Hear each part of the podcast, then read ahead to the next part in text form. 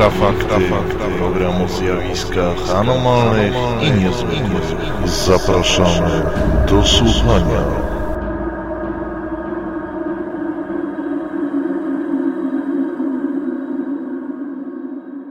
Witam Państwa w Infrafaktach, cyklicznym magazynie prezentującym najnowsze doniesienia ze świata zjawisk anomalnych i pogranicza nauki. Jest 19 lutego 2012 roku. W naszym programie staramy się przybliżyć zjawiska warte uwagi i wyjaśnić te, które są nagłaśniane w mediach jako paranormalne. Mówi Michał Kuśnierz, a razem ze mną jest Piotr Cielebiaś. Witaj Piotrze. Witam. Dzisiejszy program poświęcony będzie temu, co w ostatnim czasie miało miejsce w Rosji i w krajach byłego Związku Radzieckiego. A powiemy o zagadkowym rozbłysku nad Sankt Petersburgiem, o poltergeistie oraz o zagadkowym śladzie na rzece Ural w pobliżu wsi Rubieżka. Zacznijmy od pierwszego wydarzenia, jakim był zagadkowy rozbłysk na niebie w pobliżu Petersburga. 6 lutego 2012 roku mieszkańcy obwodu leningradzkiego w okolicach Sankt Petersburga byli świadkami zadziwiającego widoku. Niebo rozświetlił niesamowity blask o dużo większej jasności niż na przykład e, piorun. Zdarzenie udało się zarejestrować na filmie, pokazała to nawet e, rosyjska telewizja. Pojawiły się od razu komentarze, że to jakaś tam nowa broń Putina, albo że buduje się nowe urządzenia, tak jak budował Nikola Tesla. No, pojawiły się także takie bardziej durackie koncepcje, mm, ale ostatecznie udało się sprawę wyjaśnić. Stwierdzono, że mm, była to awaria w jednej z elektrowni w pobliżu Petersburga. Tak jest, a film oczywiście można obejrzeć na naszym forum paranormalny.eu. Tymczasem grupa Kosmopoisk z Rosji, zajmująca się badaniem zjawisk paranormalnych, donosi o tym, co dzieje się w nawiedzonym mieszkaniu w Irkucku. Otóż ma je nawiedzać poltergeist, zagadkowa siła, która uprzykrza życie mieszkańcom. Mieszkanie, o którym mowa, znajduje się w jednym z drewnianych budynków w Irkucku i było wynajmowane przez studentów, którzy nie mogli jednak w nim wytrzymać. I właśnie na miejsce wezwali badaczy z Kosmopoiska. Przypomnijmy może, czym jest poltergeist. W parapsychologii określa się tak przypadki aktywacji zagadkowej energii, która zdolna jest do mm, działania na otoczenie, zwykle w sposób destrukcyjny. Termin ten po niemiecku oznacza hałaśliwego ducha, jednak w rzeczywistości poltergeisty nie mają mm, wiele wspólnego z życiem pozagrobowym.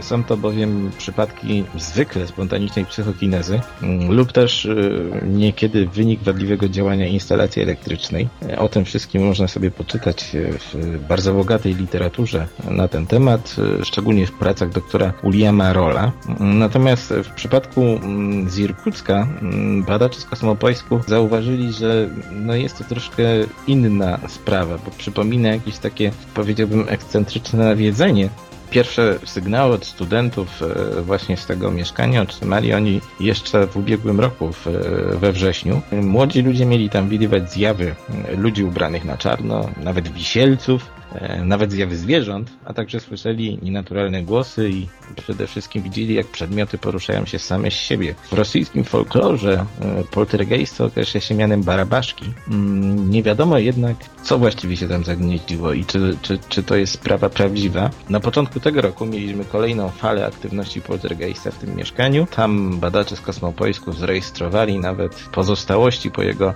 mm, że tak powiem, buszowaniu po tym mieszkaniu w postaci mm, związanych ze sobą sobą butów czy poprzewracanych przedmiotów. Zdjęcia te można obejrzeć na ich stronie. Natomiast brak jakichkolwiek, e, że tak powiem, wiążących wniosków, ja myślę, że sprawa jest na tyle ciekawa, że kiedyś e, do niej powrócimy, jeżeli uda się ustalić coś więcej. Natomiast trzeba jeszcze dodać, że w Rosji jest bardzo dużo przypadków poltergeistów. E, są one często opisywane. Wyjaśnienia są oczywiście różne. Najczęściej przypisuje się to jednak jakiejś tam aktywności parapsychicznej, nie aktywności tak zwanego ducha ale to mm, sprawa na inną audycję. Jeżeli ktoś jest zainteresowany duchami, to polecam posłuchać cyklu Poltergeist e, nadawanego w Radiu Wolne Media i w Radiu Paranormalium, który prowadzi Grzegorz Tarczyński.